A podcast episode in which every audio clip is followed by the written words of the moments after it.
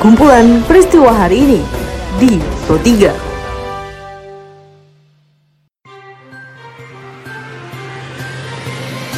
Halo pendengar, selamat berjumpa kembali di podcast Pro 3 RRI dengan kumpulan apa saja peristiwa yang terjadi pada hari ini. Seperti biasa pada podcast ini saya akan mengulas isu-isu aktual dan tentu saja masih hangat dan ramai diperbincangkan di sekitar kita. Pendengar nanti akan saya hadirkan cuplikan informasi dari reporter kami. Saya Tika Nantia, inilah kumpulan peristiwa Pro 3 di ruang dengar Anda. Sebelum masuk ke dalam beberapa isu aktual yang akan saya hadirkan sesaat lagi, seperti biasa saya mengundang Anda terlebih dahulu untuk mampir ke laman berita kami di rri.co.id. Anda juga bisa follow dan berkomentar langsung di sosial media kami, di Instagram, Twitter, juga Facebook dengan mengetik at RRI Programa 3 di kolom pencarian Anda. Pendengar ini banyak sekali tanggapan yang dilontarkan oleh para menteri setelah ramai beredarnya video Presiden Joko Widodo yang mengeluhkan kinerja para menterinya. Dilaporkan oleh reporter Alfred Tuter, salah satu menteri yang berkomentar adalah Menteri Sosial Juliari P. Batubara yang secara spesifik kementeriannya disinggung oleh Presiden Jokowi. Antara lain tadi saya sampaikan di dalam misalnya bansos tunai ya untuk penyaluran di daerah-daerah yang terpencil, daerah 3T kan istilahnya itu kan harusnya tiga tahap. Jadi satu tahap satu tahap satu tahap. Ini sudah kita lakukan sekali bayar. Ini kan terobosan yang luar biasa juga ya kan? Artinya si penerima itu tidak perlu bolak balik dia mendatangi kantor pos atau loket pembayaran sehingga sekali. Nah kemudian e, misalnya begini masalah data yang lambat dari daerah. Saya sudah instruksikan, sudah begini saja. Kalau ada satu dua daerah yang lambat, misalnya kotanya gini, angka tenis ya. Misalnya satu daerah itu dapat 10.000 keluarga jatahnya. Tapi sudah kita tunggu-tunggu yang masuk misalnya cuma 7.000. Ya kan? Kita nggak bisa nunggu sampai selesai. Karena apa? Saya minta langsung dirjen untuk oke okay, ambil saja yang alokasinya itu ke daerah yang lebih bisa menyerap cepat. Mungkin mereka uh, agak komplain, tapi kita jelaskan bahwa ini Eh, realisasinya harus cepat sehingga kita bisa alihkan kotanya ke daerah yang lebih cepat atau lebih siap untuk menyerap.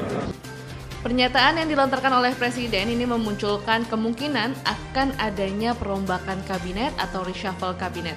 Begitulah perkiraan yang dilihat oleh Direktur Eksekutif Carta Politika, Yunarto Wijaya. Diliput oleh reporter Rini Hairani, berikut penjelasan dari Yunarto selengkapnya ada kemungkinan juga bahwa sudah ada rencana terkait dengan misalnya reshuffle yang paling baik dibahas tetapi kemudian coba di, diupayakan untuk testing the water. Kenapa? Karena memang dalam kondisi krisis COVID seperti sekarang ada dua kacamata. Orang melihat harusnya konsolidasi uh, terjadi, bukan malah perombakan uh, kabinet. Tapi ada juga yang mengatakan ini momen yang paling tepat untuk melakukan perombakan kabinet secara berani. Di sisi lain, mendengar ini Wakil Ketua DPR RI, Aziz Samsudin, ini menyatakan bahwa ia mendukung secara penuh kepada Presiden apabila akan diadakan perombakan kabinet. Berikut pernyataan Aziz saat diwawancarai oleh reporter kami Rizky Supermana. Menteri itu kan bantu presiden.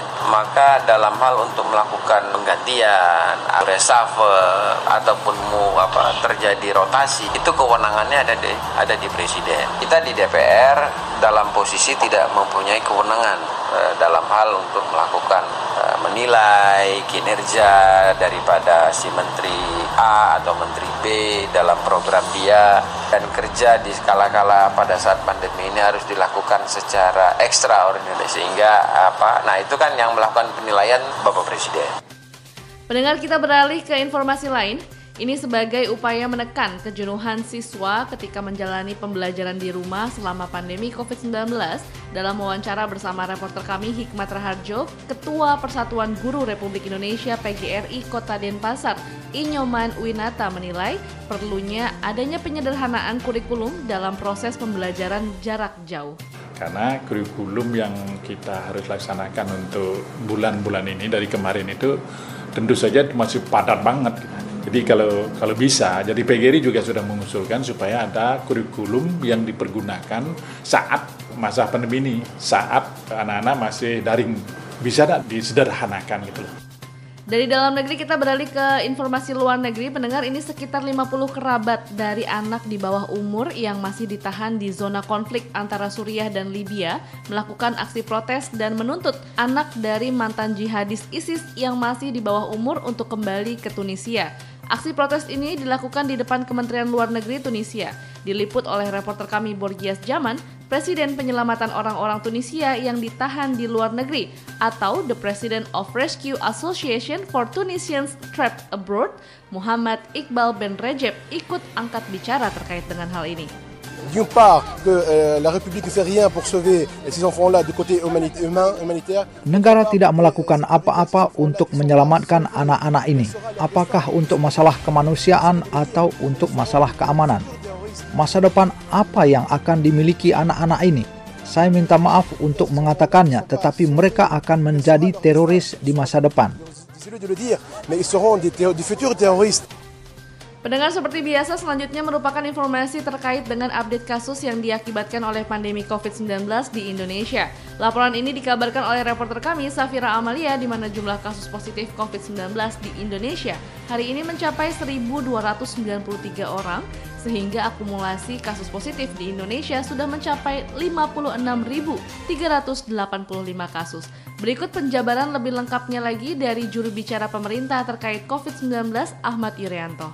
Dari jumlah tersebut kita dapatkan kasus baru konfirmasi COVID-19 sebanyak 1.293 orang, sehingga total menjadi 56.385 orang. Baiklah pendengar, informasi tadi sekaligus mengakhiri perjumpaan kita pada podcast edisi hari ini. Dengarkan terus podcast edisi hari ini dan hari lainnya di Spotify dengan hanya mengetik Pro 3 RRI di kolom pencarian Spotify Anda. Baiklah pendengar, tetaplah menjaga jarak, ikuti protokol kesehatan dengan baik, dan teruslah mengikuti berita terupdate di Pro 3 RRI. Saya Tika Nantia, beserta dengan tim editor podcast kami Karisma Rizky, undur diri. Sampai jumpa. Jalanan ibu kota DKI Jakarta masih Kumpulan peristiwa hari ini di Pro 3.